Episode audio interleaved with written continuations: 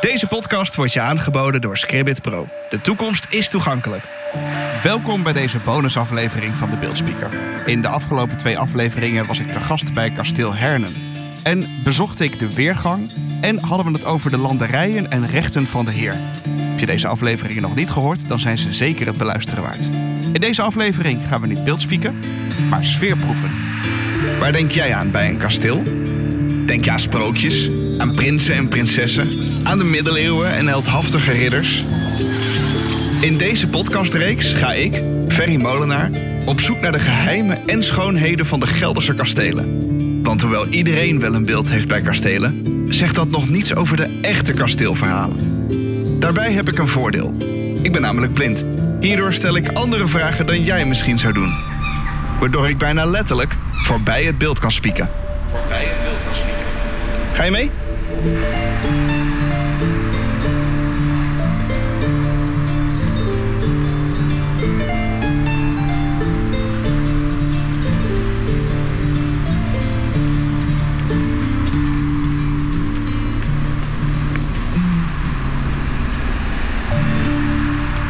Ik werd gastvrij ontvangen op kasteel Hernen door gastheer en rondleider Bert Beuving.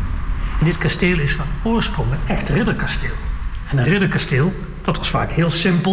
Je had een grote woontoren. En daaromheen werd een binnenplaats afgebakend met een flinke, stevige muur. Een muur om het kasteel te kunnen verdedigen. Heet dan ook een weergang. Je te weerstellen tegen een eventuele vijand. Oké. En dat kasteel, dat oorspronkelijke ridderkasteel, is er nog helemaal. Maar het bijzondere van ons kasteel, en ik denk dat wij het enige kasteel zijn in Nederland. Dat nog helemaal oorspronkelijk er is. Ja. Ons kasteel is nog nooit belegerd geweest. Zo Dus nooit. er was gewoon vrede. Nou, de, eh, in ieder geval, het was niet interessant voor andere mensen om dit kasteel aan te vallen en te vernielen, zoals de meeste kastelen in Nederland wel. Het zal dan waarschijnlijk niet zo'n heel belangrijk kasteel geweest zijn. Ik wou maar- zeggen, wat, wat maakte dan dat dit niet... Ja, want in die tijd toen dit kasteel gebouwd was, dat is rond 1360. Dus het kasteel is meer oorsprong meer dan 660 jaar oud. Ehm, ja, liepen de middeleeuwen, of althans de strijdende partijen, wat al uit elkaar. Ja. En eh, de kaarten waren al wel geschud. Herten van Gelre die had was een duidelijke positie.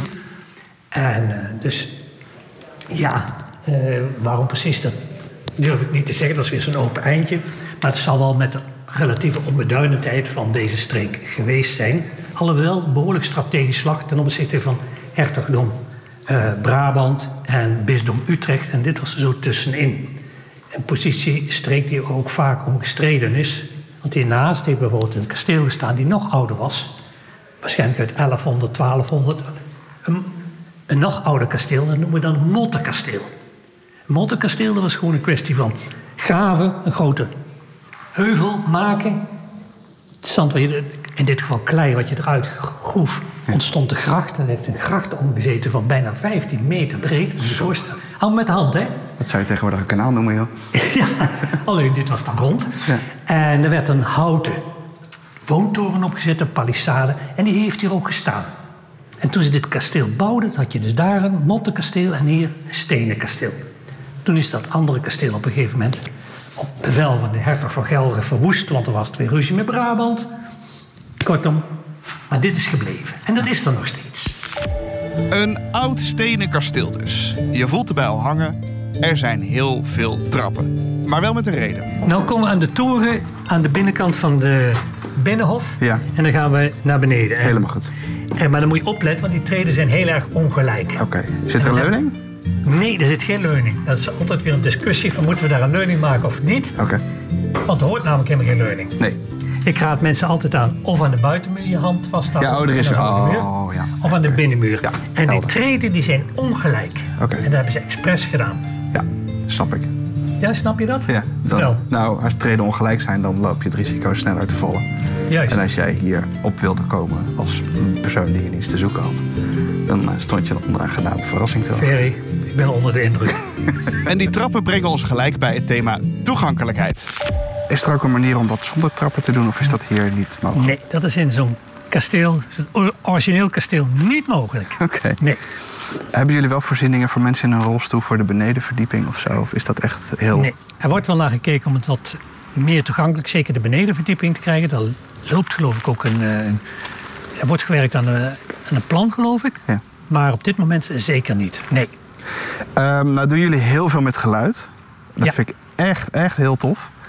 Eh, hebben jullie nog speciale rondleidingen voor mensen die bijvoorbeeld blind of slechtziend zijn? Of eh, Nee.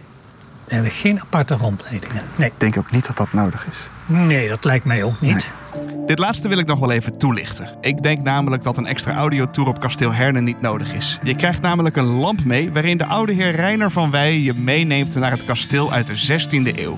Je hoort iets meer over deze lamp in de eerste aflevering van kasteel Herne over de weergang. Er zijn wel een paar kleine uitdagingen, maar het personeel lijkt me meer dan vriendelijk genoeg om je op weg te helpen. Vooral de audiovisuele presentatie over de oude woontoren heeft me erg enthousiast gemaakt. Ik kan je een bezoek aan kasteel Herne dus absoluut aanbevelen. Het kasteel is goed te bereiken. Je kan er makkelijk komen met de auto, parkeren voor de deur is gratis... en je kan rechtstreeks vanaf station Wiegen met bus 563. Dit is wel een buurtbus, dus je rolstoel meenemen is helaas niet mogelijk. Vind je deze podcast interessant? Dan zou je ons echt enorm helpen als je een beoordeling achterlaat in je favoriete podcast-app... of deze deelt met je vrienden. Alvast heel erg bedankt. De beeldspeaker wordt je aangeboden door Scribbit Pro en is mede mogelijk gemaakt door het Bartimeusfonds en Gelders Landschap en Kastelen. Montage en productie Ferry Molenaar, de podcast creator. Kijk voor meer informatie in de beschrijving van deze aflevering of op de website beeldspeaker.nl.